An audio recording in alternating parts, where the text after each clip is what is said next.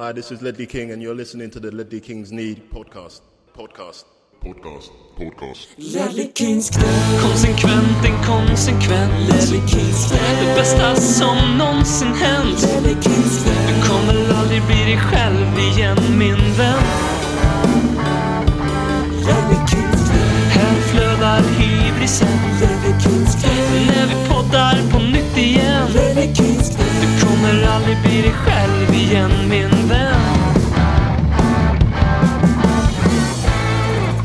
Du lyssnar på ännu ett fotbollsledley, nämligen avsnitt 302 av den värmländska radioteatern Ledley Kings knä. Den enda podcasten i världen som fokuserar på laget som spelar världens mest underhållande fotboll just nu.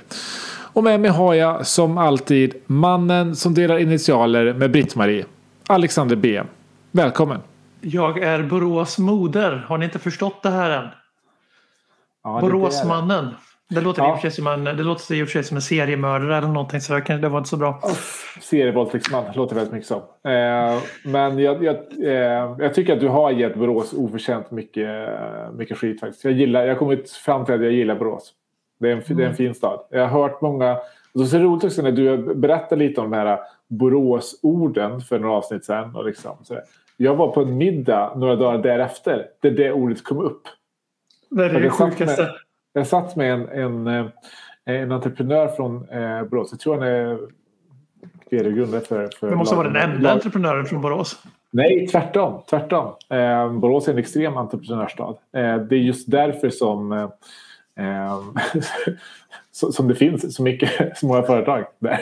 för att det är en entreprenörsstad. No shit. det är den kopplingen jag gör. Eh, nej, men som berättade, jag kommer inte ihåg. Men just det här ordet som du nämnde. Jag kommer inte. Killing eller något sånt där. Ex, exakt, alltså någon som går runt och liksom säljer. Eh, så det, så det, är, det är ju en... Eh, Ja, knalle. Knalle heter det. Knalle.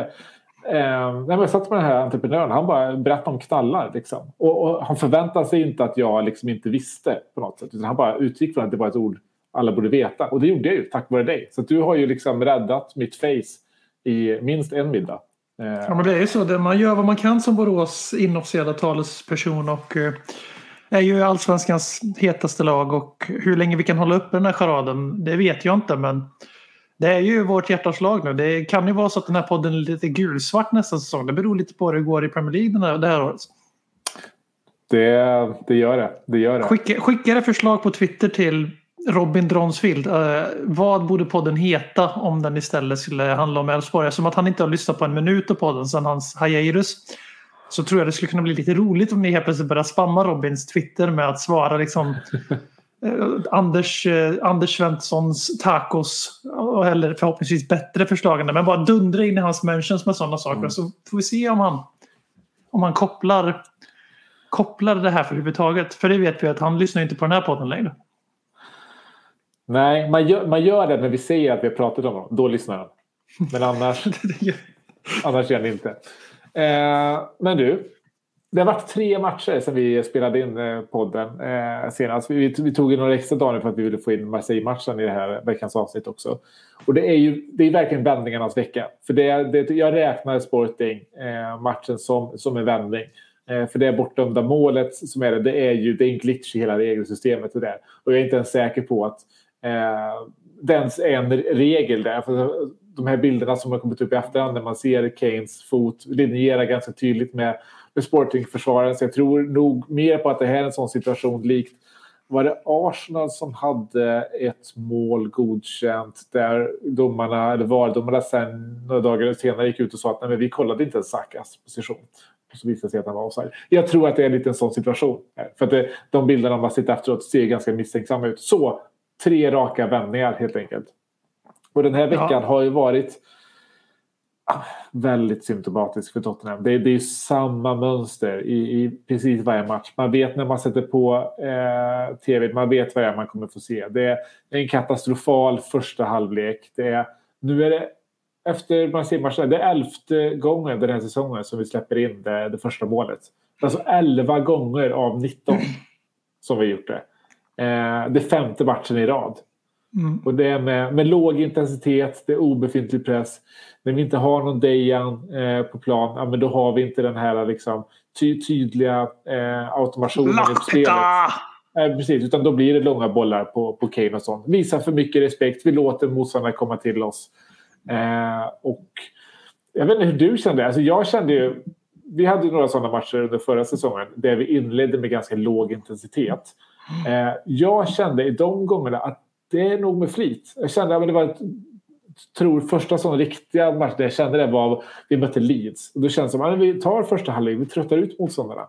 Eh, men det känner jag ju inte längre. Det hoppas jag verkligen inte är taktiken. Och, eh, nu gick ju Stellini, eh, alltså vår assisterande som fick ha, ha bänken här i matchen igår eftersom kontot var avstängd. Han sa ju efteråt ganska tydligt att alltså, jag är inte nöjd. Det var alldeles för låg intensitet, alldeles för låg press och allt det där som man sitter och tänker och känner. Sa han det efteråt och det eh, Konto har kanske sagt någon gång men jag har inte registrerat det. Så det var ganska skönt att få det från honom att säga nej det här är inte någon dum jävla taktik utan det här är, det här är ett problem. Och det, det är tack gode gud i alla fall ett problem vi vet om.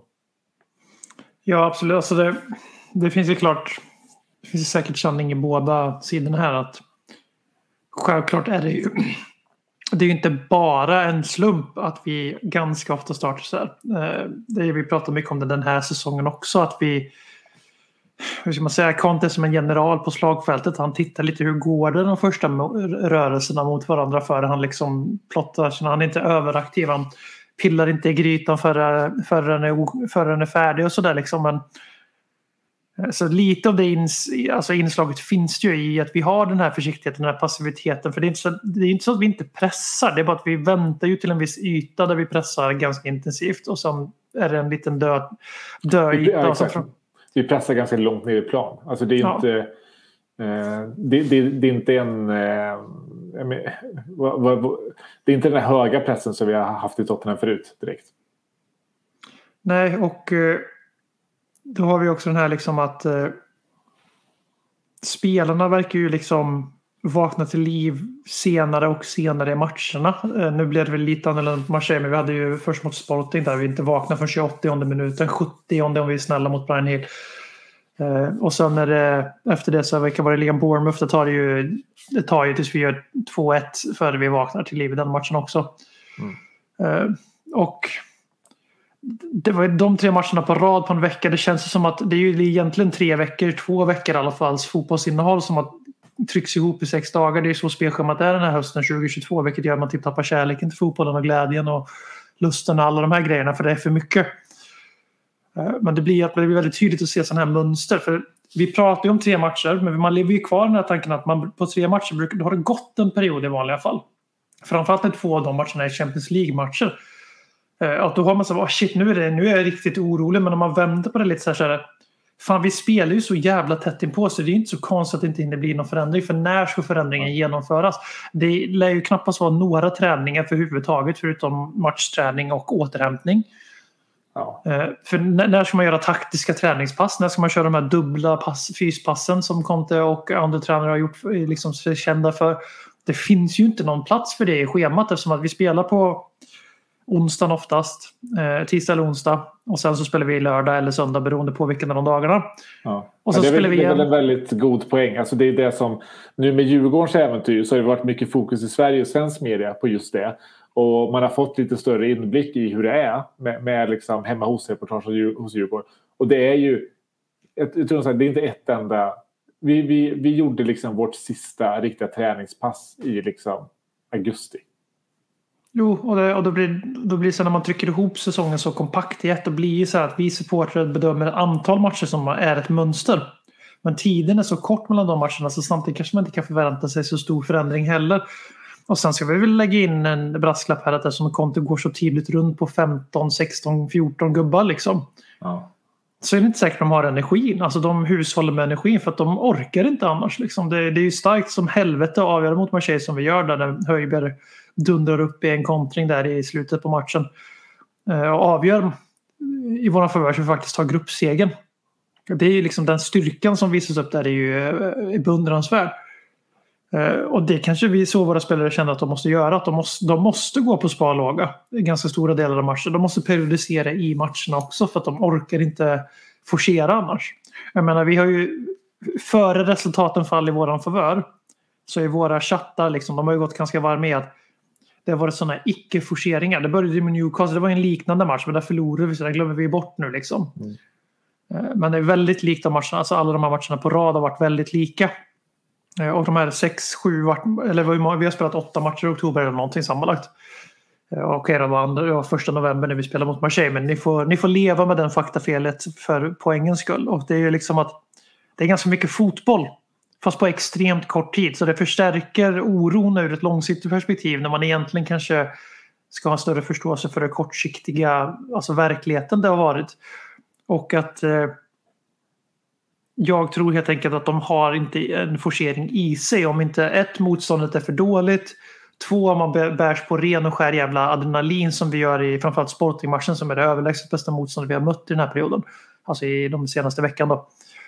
Att, eh, att liksom, där går vi på sån jävla ånga bara efter Brian Hills byte och Bentancourts fina mål. Liksom, så trycker vi verkligen ner Sporting i skorna och förtjänar att vinna den matchen i slutändan.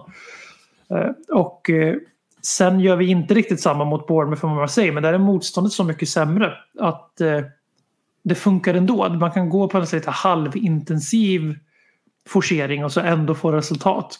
Och vi ska ju också vara ärliga mot oss själva att vi får ju bara in 2-1 mot Marseille för att de idioterna eller idioterna nu ska vi inte, de går ju efter att gå vidare i Champions League fortfarande så de släpper ju allt. De kör ju full fart framåt i en passning och så är vi ju tre mot en liksom.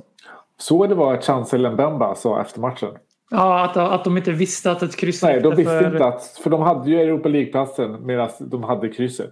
Och visste inte. Arsenal-fasoner. Ja. Och så, eh, för det, för det, är, eh, det är som du säger, det är bara deras bästa. Alltså, de ska ju bara... I det läget de är i, med den gruppen de har haft, de ska ju inte gå före i den situationen. Nej, när du har inte i Tottenham på 95. hemmaplan. Nej, Alltså- utan du ska ju bara liksom rulla boll, ta Europa League-platsen. Ehm, det är inte det de gör. Och, det, och, så- och de åker ur Europa fullt ut på det. Liksom. Ehm, det är ju eh, det är konstigt att det, att, det, att det kan vara så. På, Amatörmässigt. nivån. Det är alltså ri- riktigt Ja. amatörmässigt. Och jag tycker så här. Eh, ja, det är klart att liksom bänken gör helt fel i det.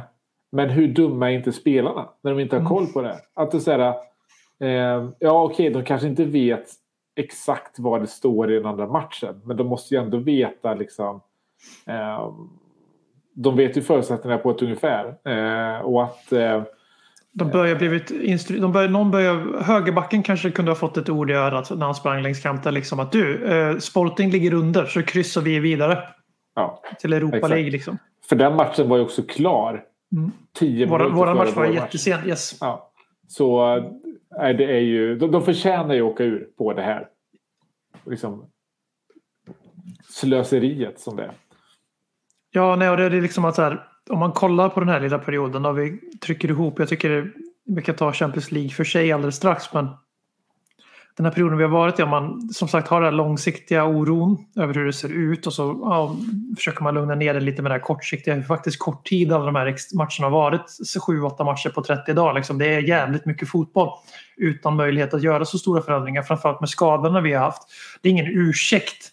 Men det påverkar ju när alla skador är i samma lagdel i stort sett.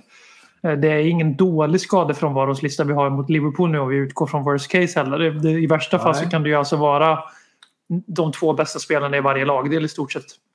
Ja, för det kommer vara eh, Son, Kulusevski, Richarlison. Eh, Eventuellt Bentancur, eventuellt Höjbjer. Ja, eh, Romero också. Eh, kom uppgiften nu om att han ska vara borta i tio dagar till. Vilket konstigt nog är tillräckligt lång tid för att missa alla våra matcher. Men till, eller tillräckligt kort för att komma perfekt till VM-samlingen. Eh, det är ju något fuffens där. De är jävla argentinarna. Så här gör de varenda gång. Liksom. Det är tur att vi är Uruguays vänner i den här podden och inte Argentina. Så hade man ju skämts nu alltså. Ja, det är gud vad man har bytt landslag där. Eh, för den, eh, vi kan gå in på Bentancur lite senare. Men eh, fan vad han inte bryr sig om eh, det landslaget. Någonting. Nej, nej, Han bryr sig om de som betalar hans lön. Ja, Höjbjerg är inte heller sådär jättesugen på Danmark märker man. Nej, nej.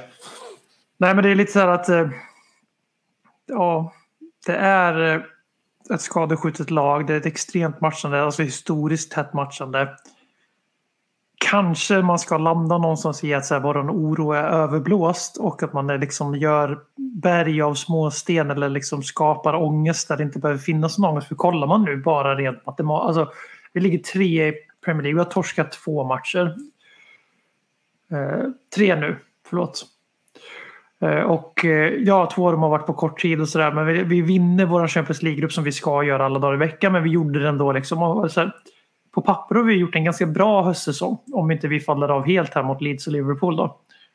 Men det är ju den här liksom känslan av att vi tar inte steg. Och det jag framförallt blir orolig för när jag ser Tottenham. Det är ju det här att vi har, jag tror vi har tagit flest, rekord i, flest poäng i Europa från losing positions, alltså vänt matcher. Ja. Ganska många av våra bortasegrar är ju så dramatiska Hollywood Titanic GIF på, på Twitter liksom. Det är 95, det är 96, det är 93, det är alla de här grejerna liksom. Och det är ju både en styrka men det är också så här någon gång så tar ju den turen slut. Och det är lite där man börjar, jag, det jag börjar vackla är lite så här att Ja, vi har alla de här förmildrande omständigheterna. Men jag ser ett grundfel vi gör och det är att vi går in i matcherna som du redan var inne på lite. Vi går in med sån jävla respekt för motståndet. Alltså vi går in, ni ser inte ni det här men jag heter Marseille Bajs idag i våran chatt. Och det är för att Marseille är bajs. Alltså vi går in mot ett lag som består av före detta Premier League-spelare som är elefantkyrkogården i Frankrike istället för Turkiet. Det är enda skillnaden. Delali hade gjort det finfint där. Han har passat perfekt in i deras truppsammansättning. Eh, Ja, inte att han har gjort det bra på ver- planen ver- men ver- Verkligen, verkligen har han passat perfekt i Marseilles truppdynamik. Ja, ja men det är, det, de, det är ju verkligen liksom den perfekta platsen där på många sätt. Och vi går in i den här matchen. Jag vet att vi har resultat att spela på. Jag vet att vi har skador på Dejan Kulusevski. För let's be honest, han är den enda som egentligen hade gjort någon skillnad eventuellt i vårt sätt att spela. Sen är ju Romero en mycket, mycket bättre spelare än Davison Sanchez såklart. Men alla de här grejerna. Men alltså just det här att jag ser Tottenham som visar motståndaren alldeles för mycket respekt. Och när man inte längre kan lura sig själv, att, för att knyta ihop säcken, att man inte kan lura sig själv längre att det är ett taktiskt drag, att vaggan in motståndaren i det här, att det är vi som har kontroll. Nu när man börjar inse att vi, fan, vi har inte kontroll. Vi är så här respektfulla mot motståndarna. Vi, liksom, det, titta, titta inte längre än Bentancur, han, han är symbolen för hoppet här. För att han får bara säga nej nu får det fan vara bra i matcher. Och så är plötsligt han uppe och pressar liksom, i linje med Kane och Lucas Moura som det var sist. Och, och hugger ner försvararna, tar bollen, bryter perfekt och liksom stormar fram mot mål. Och det är ju ofta sent i matchen när han springer småskadad, tar sig för hamstringen flera gånger, alla de här grejerna. Liksom. Och, då tänker man så bara, varför kan vi inte spela med ett uns av den här intensiteten tidigare i matchen? Varför kan inte vi bara någon gång kliva in i en match mot jävla luffar Marseille eller luffar Bournemouth eller luffar Newcastle? Och bara, vi är Tottenham. Och vi är ett bättre lag än de absolut flesta lagen som finns i Europa. Vi kan hålla på och snacka hur mycket skit om den här truppen vi har. Det är inte sant. Det här är en av de bästa trupperna Tottenham någonsin haft turen att eh, ha på papper. Sen är det ju alltid liksom prestationer går upp och ner och fotboll är inte statisk. Vi ska inte behöva spela så här mot 80 procent av vårt motstånd. Alltså visst, det här är ett spel och en inställning, inte inställning i att vi inte kämpar för det gör vi, men så liksom det är en mental inställning till matcherna att vi är, vi är den här cheekiga underdog. Som inte matchar liksom med, med Tottenhams plats i hierarkin längre. Det matchar inte med Antonio Contes alfa-personlighet. Eh, och det, det börjar, börjar tära ganska mycket på mig. Att vi går in i de här matcherna som att vi är en jävla lilleputt som eh, bara har ett jobb att göra. Och eh, jag vet att det finns Tottenham-supportrar som är all in för att vinna titel. Fuck it hur vi gör det. Och jag menar jag kommer inte tacka nej till en titel på det här sättet heller. Men det här är ju inget vinnande spel. För alltså kolla på mm. de lagen som faktiskt vinner de stora titlarna i Europa. De har en sak gemensamt och det är inte att de bara reagerar på motståndarens misstag och ligger lågt och hoppas vinna på individuell kvalitet. Utan kollar man de som vinner ligatitlar så är det de, spel, de lagen alltså med överväldigande majoritet och alltså dominans vinner sina inhemska titlar. För att de äger bollen och de äger matchen och motståndarna de försvarar genom att anfalla. Där ja. är vi inte riktigt. Nej, å andra sidan nu har vi ju i, idag den 2 november när vi spelar in det här så firar vi ett år med Conte. Så det finns ju liksom lite underlag nu att börja, börja utvärdera liksom Conte-eran på. Och nu har man ju allt det här färskt i minnet och jag tycker att man är ganska eh, Alltså jag är extremt kritisk till hur Tottenham spelar fotboll just nu. Det, har liksom, det är verkligen. Eh, men för mig är det här inte konteboll på något sätt. Alltså det blir, Nej, så, nej, så tittar man nej. så som vi, vi spelade under, under, under, under våren eh, och liksom, vissa gånger när det har klickat i år. Inter. Precis, men det är ju, jag tycker att det ändå är ganska attraktiv fotboll när du har den typen av omställningsspel, när det klickar, när det fungerar. Det är ju helt uppenbart att nu den senaste månaden eller sex veckorna, det, då har inte det klickat. Och då ser det bedrövligt ut. Men å andra sidan, all fotboll ser ju bedrövlig ut när, när det inte klickar. Liksom, oavsett om det är, om det är eh, ett liksom, anfallsinriktat eh, 4-3-3 eller, eller vad den vill ha så ser det bedrövligt ut när det inte klickar. Och det är det det inte, inte gör nu. Eh, så jag tycker att det blir ganska raljant kring det här liksom ligga lågt och inte göra någonting. För det är precis så det ser ut när det inte, när det inte klickar. Men när det väl klickar och det har det gjort. Då tycker jag att alltså, det, det är kanske bara jag som inte då på något sätt identifierar mig lika mycket med den här Tottenham-identiteten med liksom fart och fläkt. Alltså jag tycker ju att den här omställningsfotbollen kan vara ganska attraktiv också. Det kanske, det kanske är så att de, ju mer man identifierar sig med det, ju mer man tycker att nej men Tottenham ska inte ens spela omställningsspel. Då förstår jag ju att man, när man nu utvärderar kontot efter ett år, landar lite mer i, i någon form av, så här, jag ska inte säga conto out, men lite, det börjar ändå komma den typen av vibes Ja. ändå. Ja, ja absolut. Och, alltså, så man ska vara tydlig här. Alltså, Conte är eh, i min ringa omfattning den näst bästa tränaren vi har haft i modern tid. Eh, han är den bästa tränaren Tottenham någonsin har anställt. Om man tittar på CV och eh, hierarki i fotbollsvärlden när han anställdes. Annars är det ju, det är ju José Mourinho annars. Det, låt oss vara ärliga där. Att det, är den, det är den största tränaren som vi har anställt i modern tid. Eh, men den bästa är Antonio Conte för han är sin prime, eller han var det i alla fall. Han Har precis vunnit ligan i Serie A. Liksom. Det var inte som att han hade vunnit för fem, sex år sedan i Chelsea. Eh, och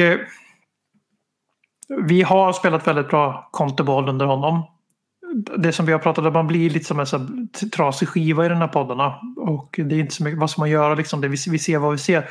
Det vi ser i år är att vi tar inga steg framåt. Alltså vi är sämre än vad vi var i våras fast vi har en bättre trupp. Det märks inte att vi har en bättre trupp så mycket eftersom att den, de nyförvärven ny, nyförvärven får inte spela någonting i, i, i den här nya bättre truppen. Utan alla var uppenbarligen tänkt, tilltänkta som truppspelare förutom just av Perisic. Som i det tysta har står noterat för sju assist reagerar jag på igår. Och jag, bara, jag tycker att han har varit en så här tre av fem värvning om man är snäll. Och så bara, han har gjort sju assist. Jag bara, det är bara att sätta sig ner och tyst. Alltså sju assist är resultat. Liksom, vad- mer kan man förvänta sig? Han är ju inte en defensiv belastning liksom. Eh, men ja, det är det som oroar mig, att vi tar inte steg. Alltså, vi, man var så jävla sugen på den här säsongen efter vi var, så, vi var ju Englands näst bästa lag, skulle jag hävda på våren. Kanske tredje bästa, det var neck and neck. Eh, vi var ju där uppe och slogs alltså med enskilda poäng rent matematiskt men på plan också så var vi ett av Englands bästa lag och därmed automatiskt ett av Europas bästa lag. Eh, Sen tänker man nu får vi försäsongen. Han fick sina värvningar, ganska stora bra värvningar. Han fick den här historiska cash eller pengainjektionen från Inic. Där ganska stora delar av de pengarna faktiskt spenderades eh, under sommaren. Eh, det glömmer, det glömmer vi gärna bort. Att vi värvade faktiskt. Vi gjorde ju ett Arsenal-fönster i somras. Vi värvade för miljarden liksom. Eh, sen att en del av den summan var Eh, sommaren innan som blev permanent. Det var, eh, Romero blir ju permanent. Jag vet inte om de räknar med det och sådär. Men skitsamma. Eh, och sen så kommer man in i säsongen och så ser man att vi står och stapplar och sen så stapplar vi och så stapplar vi och så blir det bara sämre och sämre och sämre. Och då börjar man ju misströsta i Contes förmåga att förändra saker. Men det är där igen jag vill dra den här pusselbiten att jo, jo vi har helt rätt och vi, vi, man, jag tycker att man ska börja reagera på hur det ser ut på planen. Eh, men det är när man faktiskt räknar upp hur lång tid han har haft på sig att göra förändringar. För det är väldigt många matcher igen. Men det har inte gått särskilt lång tid. Och vad är egentligen för, man kan inte bara säga åt spelarna att fan gör det annorlunda nästa match. Vi ska inte öva på någonting annat för det hinner vi inte men gör på ett annat sätt. För då, då faller ju grundramen och har du ingen grundram då vet vi hur det kan se ut. Men kolla Tim Sherwood, när det funkar så funkar det jävligt bra. När det inte funkar så blir vi jävligt, jävligt eh, avslöjade. André Villas-Boas hade en jättetydlig plan, jättetydlig ram. Men när spelarna föll ur den och inte kunde leva upp till den höga prästen av bollinnehav för bollinnehavets skull. Då såg det jävligt dåligt ut också. Som du var inne på, liksom, all fotboll ser dålig ut när resultaten går emot. Eh, så man ska väl påminna sig själv lite. Jag påminner mig själv väldigt mycket i alla fall just nu att ja, jag tycker vi har fog för vår kritik. Ja, jag inser att vi är extremt bortskämda och pratar från en otroligt privilegierad position här när vi sitter och kritiserar en extremt framgångsrik tränare som har varit det även i Tottenham. Men man ser varningstecknen, man ser orosmolnen eh, hopas på himlen och eh, Absolut. just nu ser jag liksom inte förändringen men så kommer jag ju påminna mig själv igen och er. Det, vi får nog förvänta oss att det kommer inte bli någon förändring förrän efter VM. För att det finns liksom inte förutsättningar att göra taktiska justeringar just nu. För du kan inte bara, som sagt, du kan inte bara säga åt spelarna att göra det. Det måste nötas in. Conte, Contes system är inte liksom Just kick, it, just kick around a bit lads. Han är inte Harry Redknapp tyvärr. Och gladeligen dags för det. På samma Nej. gång. Nej, men, exakt, exakt. Eh, nej, jag, liksom, bara för att förtydliga, jag är extremt kritisk till hur det ser ut nu. Mm. Eh, och det, det, är- det är ju på den nivån att det är inte ens intressant att snacka taktik nu. Att vi borde göra det här och det här. För, överlever bara till VM. alltså, förrän vi har fixat eh, det liksom också det som är uppenbara problemet nu med, med intensitet, med allt det där. Det, det är någonting där som, som, som saknas. Och, och det går inte att snacka någonting annat förrän, eh, förrän det är åtgärdat. Eh, men om man ser, vi har fått lite frågor här. Eh, en från Mike Hotspur. Vad väljer ni? Att vinna en trofé genom att spela som mot Marseille i första halvlek? Eller för evigt komma tvåa men spela fantastisk fotboll? Och man kan ju svara på den direkt att vi vinner ingen trofé om vi spelar som mot Marseille i första halvlek. Men, men jag förstår vad frågan eh, åsyftas. Eh, jag, säger, jag säger vinna och spela tråkigt. Ja, alltså det, det, för att förtydliga en tidigare poäng jag hade i början av utläggningen. Alltså det, är det här, min, min oro är att det här är inte vinnande fotboll. Alltså det, det är en slentrian, schablongrej folk säger att Mourinho och nu Conte, för de har vissa likheter på ytan. Eh, att eh, de vinner saker. Bit ihop, håll käften och vinn saker. Jag bara, jo, jo, men deras lag var liksom inte värdelösa på fotboll. De spelade inte Tottenham Way, men de var liksom inte... Alltså Contes lag, Chelsea tog 93 jävla poäng. Det var ju vårt 86 poängslag han tog titeln ifrån. Det var, du tar inte 93 poäng om du spelar som... Alltså nu förstår jag att det är ett extremt exempel, men om du spelar som Tottenham har gjort i oktober. Du tar inte 83 poäng. Punkt. Eller 93 menar jag. Det, det händer inte så du vinner ingen jävla ligatitel. Eh, Du kanske kan halka dig fram i FA-cupen möjligtvis. För att du har individuell briljans i truppen som är extremt eh, tilltalande och kan avgöra vilken match som helst. Eh, men när jag tänker eh, på min dödsbädd är liksom en ligacup, det har jag redan den. Det, det, det påverkar inte så jättemycket så det ska ju vara någon av de två stora då. För att sälja ut själen. Men, Men sen är det så här att... lite roligare nu. Just nu när det går alltså rent resultatmässigt okej. Är det inte mycket roligare som supporter nu att se oss spela piss? Se oss få de här livlösa vändningarna match efter match. Och se hur motståndarna supporterna verkligen hatar oss för det. Mm. Alltså det myser man ju ändå åt. Man ser så här, ja, men hur kan Tottenham ha så här mycket tur? Det är, liksom, det är så frustrerande. Alltså det där, det där är ju, det där är ju godis. Ja, det, det är heroin rakt Ja. upp i venerna. Nej, men, eh, och det är ju liksom såklart, jag, jag vinner jättegärna en titel.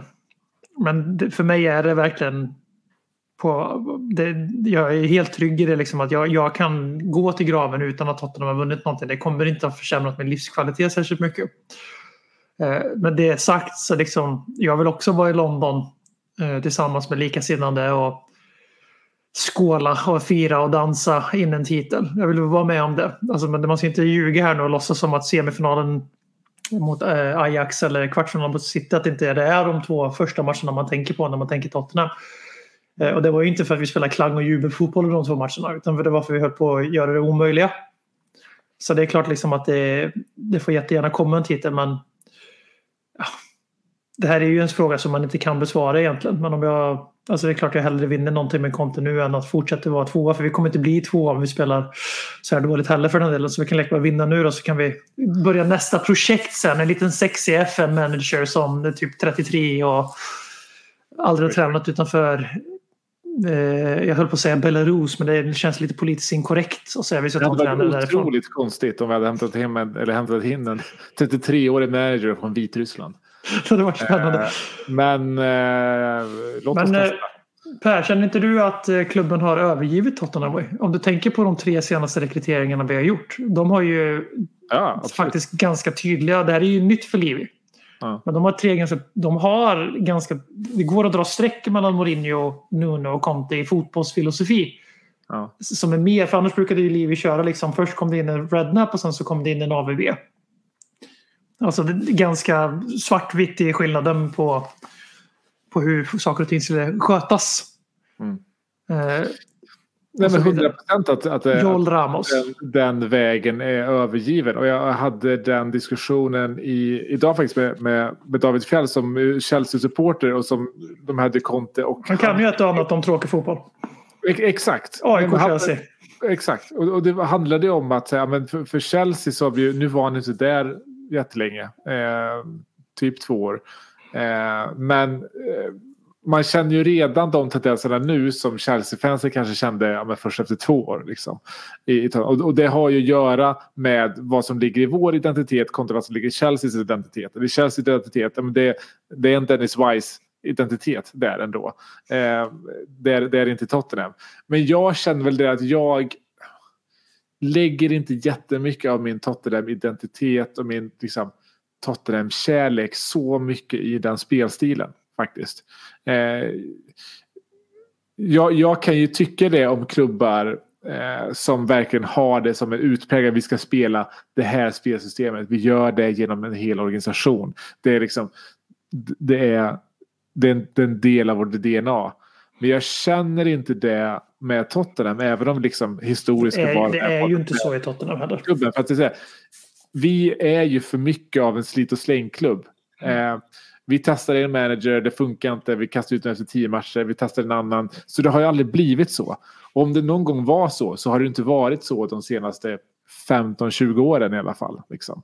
Så det, jag känner inte längre att jag går emot den för att han inte spelar på sättet som vi ska spela. För att vi har spelat på så himla många olika sätt. Att det som på något sätt ska vara Tottenham DNA det är på något sätt, vi har växt ifrån det DNA för länge sedan, tycker jag.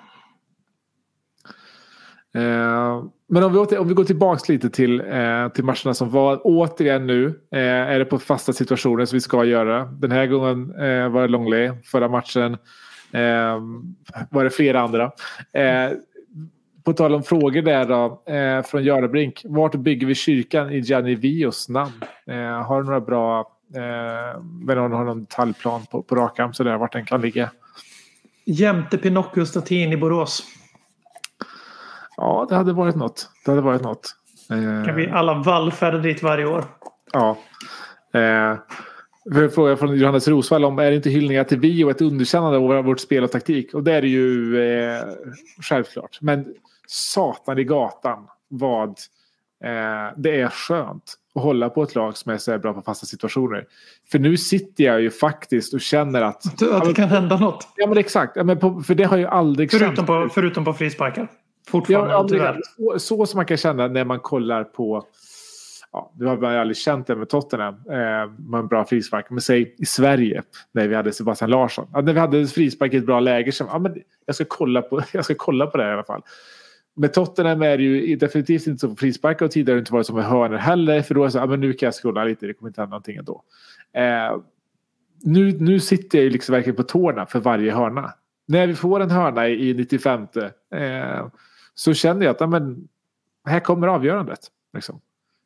Vi, ja, vi, vi är ju för någon säsong sedan i Allsvenskan, om det var förra till och med, AIK gjorde någon, slog någon rekord i hur många mål de gjorde på hörnor. Vi kan inte vara skitlångt ifrån och på, vi måste vara en pace för något sånt. Vi är ju för fan, det känns som att vi gör ett mål per match i, på fast situation hörna då. Oftast. Vilka, slog sa du? AIK hade i Allsvenskan, de gjorde hur många mål som helst på hörnor förra säsongen. Eller om det var förra, för jag kommer inte ihåg. Men det var liksom...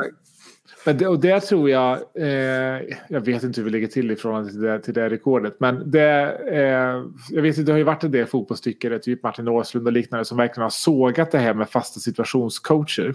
Eh, och eh, det är en ganska förlegad syn på fasta situationscoacher, för det var ju, liksom, det var ju Danmark och framförallt Midtjylland som revolutionerade det där.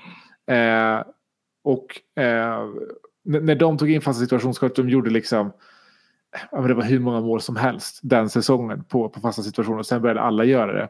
Och då blev ju, för, för, för när man säger en sån sak som, Martin Åslund säger, alltså, ja, men det är ändå bara x procent av alla hörnor som går i mål. Så det är ingen idé att lägga, lägga eh, krutet på att träna ens två timmar eller en timme i veckan på det. För att det är inte värt liksom, re- rent procentuellt vad utdelningen är.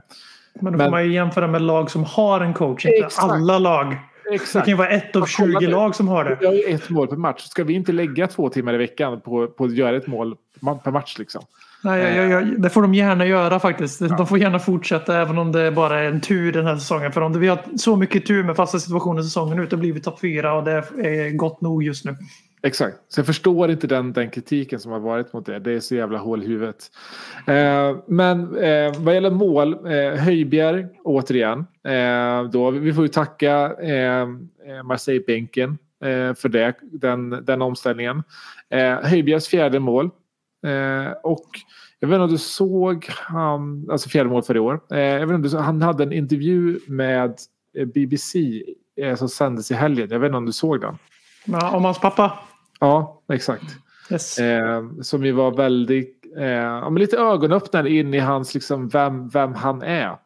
Eh, och berätta liksom om hur hans, ja, men hans, hans ungdomsår eh, och lite hur han har blivit den han är idag. Och jag började som en ganska vanlig talang. Gick till, liksom, eller vanlig talang, det är inte alla som går till Bayern. Liksom. Men, men, men eh, liksom en, en, vanlig, en vanlig dansk Vanligt generationsbegåvad talang. Liksom. Exakt, exakt. Och jag menar, när det kommit ner och kört ett tag och börjat känna att det går, går bra eh, så Um, han har precis fått sin debut i A-laget som yngst någonsin i, i, i Bayern München.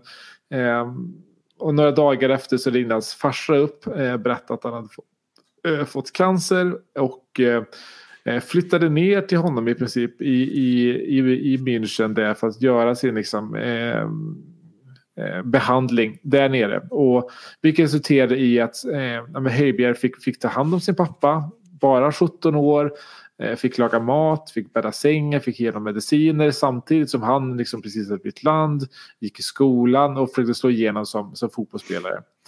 Och samtidigt som han liksom verkligen eh, fick det stora genomslaget sen så, så gick hans, eh, hans pappa bort. Eh, och eh, Eh, men jag pratar mycket om att men hans bästa tid med sin farsa var ändå just den här tiden de fick tillsammans. Så mycket de liksom utbytte under den här perioden. Men också mycket han har bärt med sig från det. För att han, han höll inne så mycket av sin egen sorg mot sin pappa. Han ville inte visa upp det. Och att han har fått sota för det senare. Det först liksom, på senare år när han har fått barn. Hur han har liksom kunnat bearbeta eh, det där.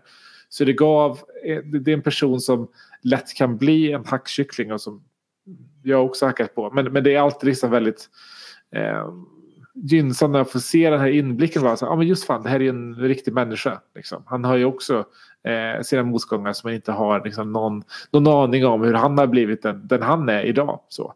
Och eh, jag tycker hans, hans mål han har gjort nu, den här historien när man får liksom veta mer om, han, han växer ju mer och mer. Och han växer framförallt mycket efter Sporting-matchen. Eh, var lite rapporter om att han hade, när domaren hade kommit fram och ville skaka hand där efter det bortdömda målet så hade Höjbjerg bara sagt I ain't, fuck, I ain't fucking shaking your hand. Eh, så han hade bara gått därifrån. Det, det, där växer han på mig. Så eh, jag har gått från att eh, Höjbjerg är en hackkyckling till att jag tar kulor för, för den mannen. Alltså.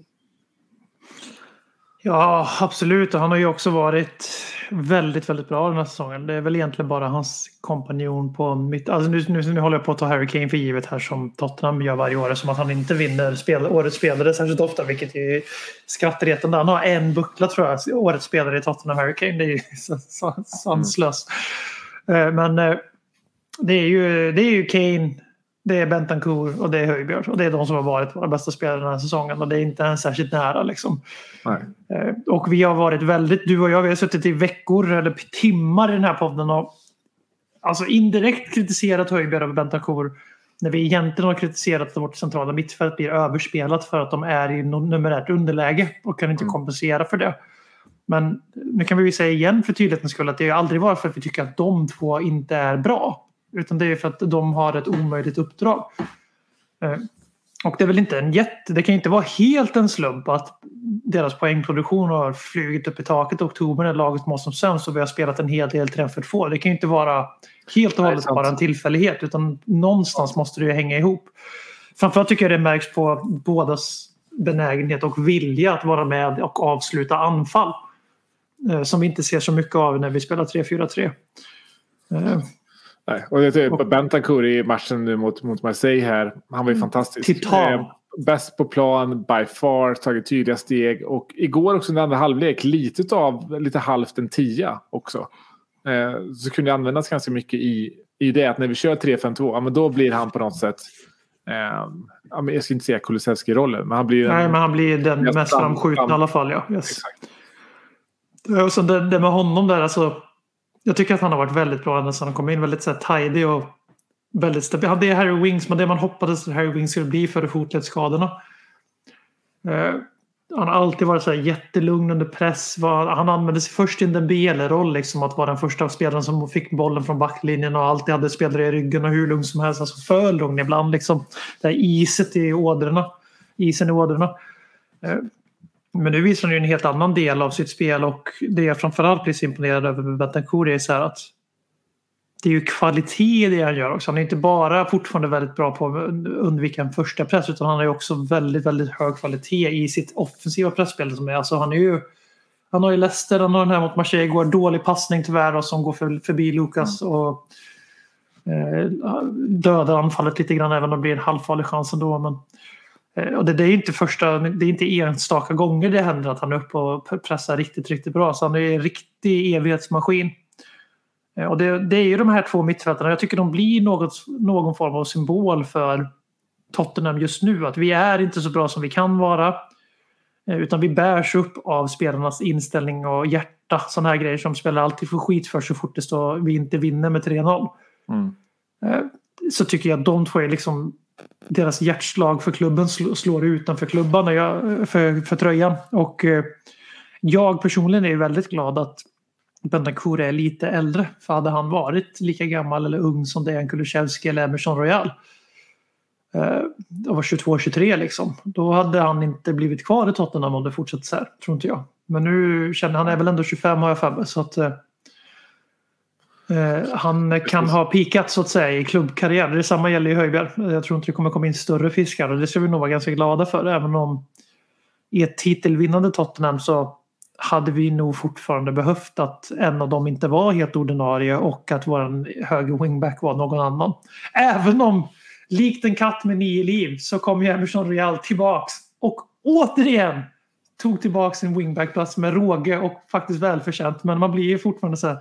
King. Vart, Jävla Jo. king han är alltså. Han är så Alltså, jävla är- king. hade det här varit Tottenham före en argentinsk tränare som jag inte tänker nämna vid namn idag så ni får vara nyktra den här onsdagen. Eh, före honom så var ju Benoit Ekotor rätt kass. Men alla älskar honom ändå. Vi hade inte samma förväntningar på Tottenham. Nu har vi skyhöga jävla förväntningar på Tottenham och det ska vi ha. Vi har alla förutsättningar för att alltid spela Champions League och alltid vinna, ha chansen att vinna en titel. Vi har lika stor chans som alla lag förutom Manchester City i England just nu och vinna saker varje år. Eh, och eh, där är det lite så här att Emerson Royal har kommit till Tottenham nu VF är bra så vi tillåter inte spelare att vara så här lite charmigt dåliga på fotboll men ändå, ändå förtjäna vår respekt. För det här är ju en krigare. Alltså, Conte vägrar ju peta honom så någonting ser han ju igenom. Hela världen är emot honom så in i helvete det är på nivåer så att det är liksom det, det, det smakar lite illa i munnen för jag tycker att häxjakten på honom har en det har, en, det har en fränhet i sig som är liksom på tal om att Höjberg och det här med hans cancersjuka pappa och alltså människor, de är människor va fortfarande i slutändan. Eh, och eh, vi har ju själva ironiserat, eller jag ska inte prata för dig, men jag har ironiserat över honom typ hela den här säsongen i podden och sådär. Men Jag har aldrig tyckt att han är en dålig fotbollsspelare på riktigt. Däremot är han för- för dålig fotbollsspelare för att spela off, ordinarie i Tottenham. Han ska, han ska på sin höjd starta matcher som till exempel den på söndag när vi möter Liverpool. Mm. Eh, Men om vi ska anfalla eller om vi har ett behov av att starta anfall och vi vet att vi bygger spelet jättemycket på wingbacksen då är han en ren, ren negativ påverkan på Tottenham varje match. Punkt. Men ändå sen när Conte till slut, det här är tredje gången den här säsongen, när Conte till slut flyttar på honom av antingen avstängning eller två petningar har varit. Då får bara hans ersättare, får 45-60 minuter, sen är Conte där bara, nej in med det igen Royal, det här funkar inte. Du Nej. är den bästa högerbacken. Ja. Vi fick en fråga från Robert här som undrar eh, vilken som har varit vår bästa brasilianska spelare. Och alltså när jag tänker... Det är fan Everson. Eller hur? Eller, hur? för jag tänker så här, ja, men vi har haft liksom sju, åtta stycken.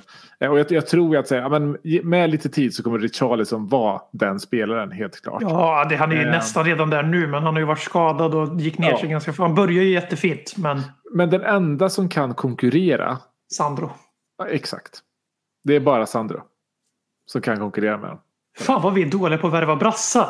Det känns, känns spontant som att våran lista med brassar är liksom Ja, vi har totalt svag jämfört med alla andra. Ja, jag, gick igenom och kollade eh, på, på brassar och det är ju liksom Ja, men det är ju Gilberto, det är Mora, eh, det är Paulinho. Eh, Folk kommer säga Gomes är bättre än Royal. Jag håller verkligen inte med, men jag tar det snart. ja. Men där har vi ju listat alla brasilianare eh, vi haft. Och det är ju det är, det är, inte, en, det är inte en rolig lista på brassar.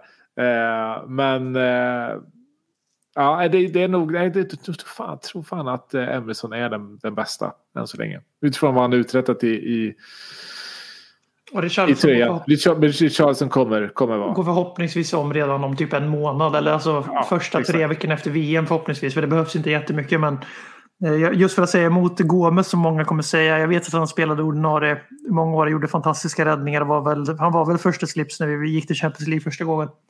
Men det som folk nu i sin ilska mot Tottenham tar ut på Hugo Lloris som hade en period, några matcher i rad, han gjorde några hårresande misstag. Glömmer bort att han har varit helt fantastisk sen Mourinho. Han fick ju en dipp i slutet på den här argentinska tränaren där, men sen så har han ju varit helt fantastisk igen sen Mourinho kom in i med några få matchers undantag. Och det är när mycket fotboll komprimeras på kort tid så allting intensifieras och förstoras. Men Gomes var ju den målvakten som folk säger att Lloris är i affekt. Mm. Den här som alltid har ett mål i sig att ge motståndaren varje match. Det var ju Gomes på riktigt. Han var ju så, jag kommer aldrig glömma när människan drog på sig två straffar på en minut.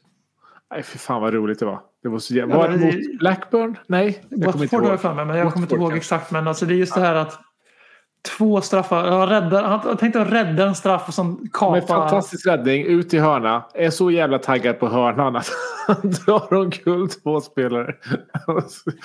De var en straff. Ja, det är så jävla roligt. Det är så jävla roligt. Ja.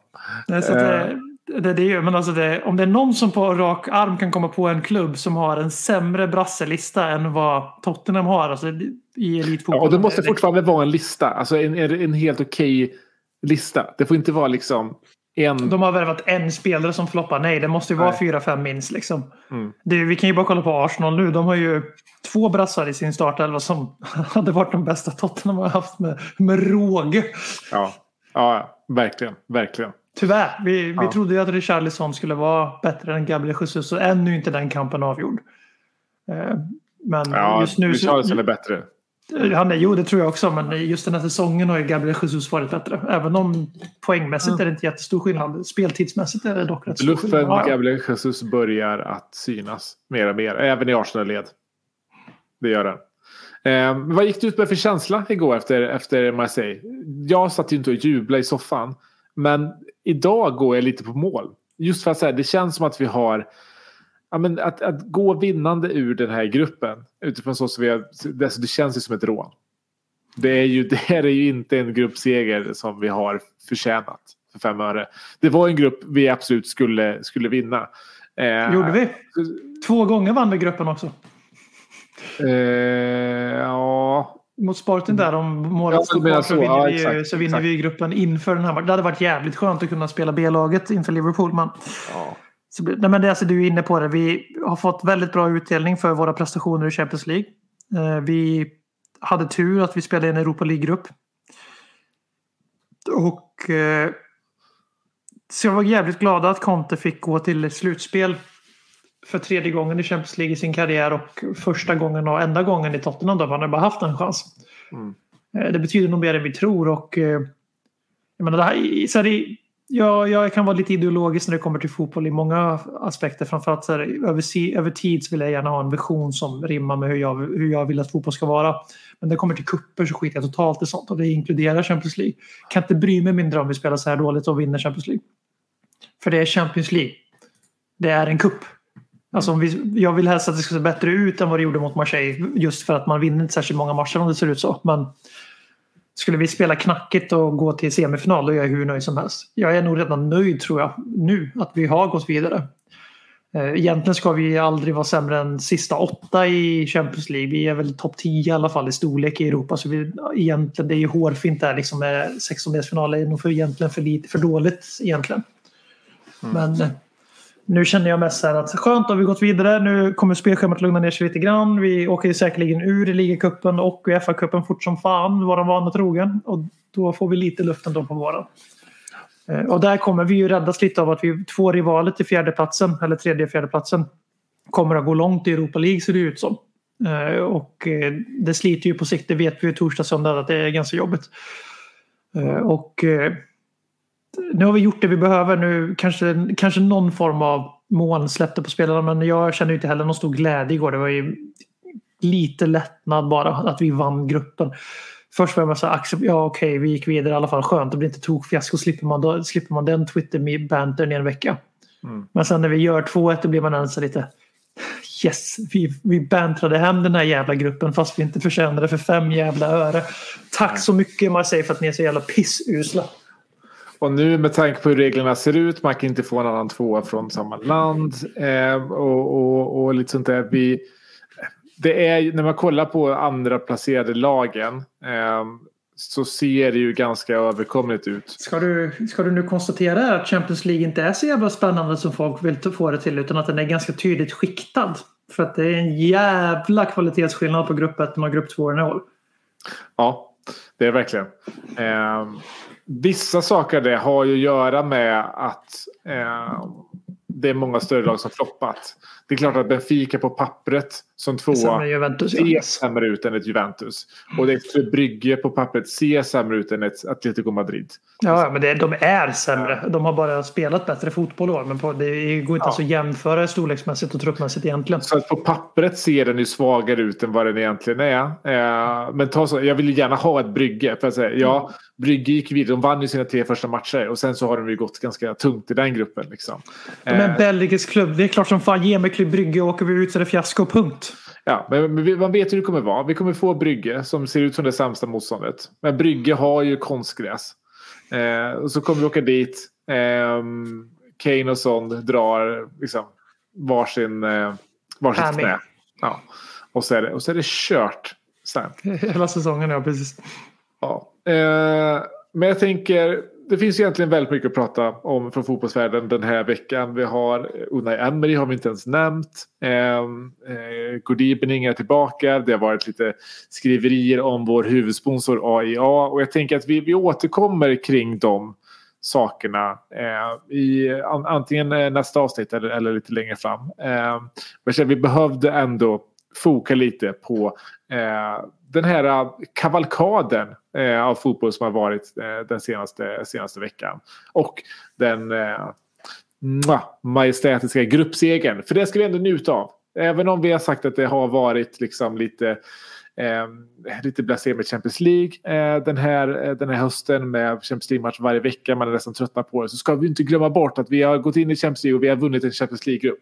Eh, och vi har gjort det i en grupp som har på läktarna präglats av eh, eh, högerextremism och Arsenal-spelare och eh, allt möjligt. Eh, och eh, vi har haft Uefa emot oss och domarna emot oss. Så att det, eh, eh det smakar mumma idag helt enkelt. Oavsett hur, hur jävligt det har sett ut på, på planen. Eh, känner att du vill fylla i med, med någonting annat innan vi rundar av och tackar för oss?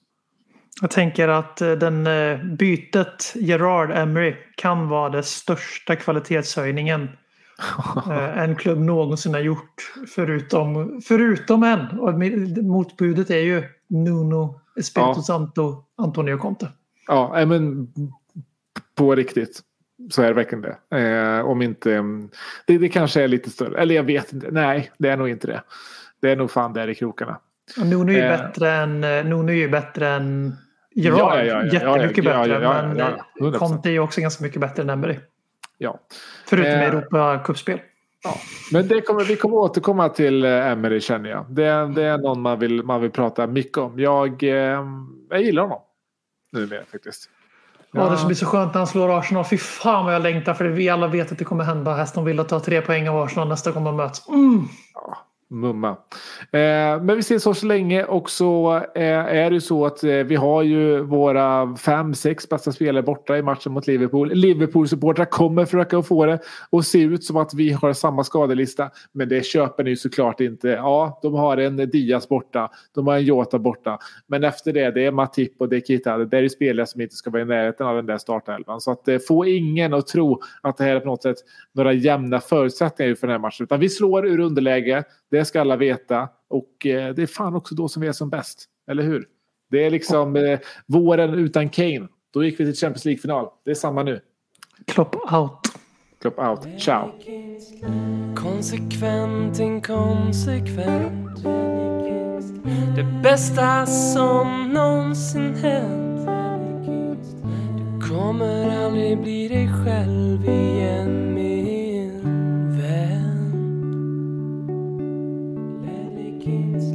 Här flödar hybrisen. När vi poddar på nytt igen. Du kommer aldrig bli dig själv igen min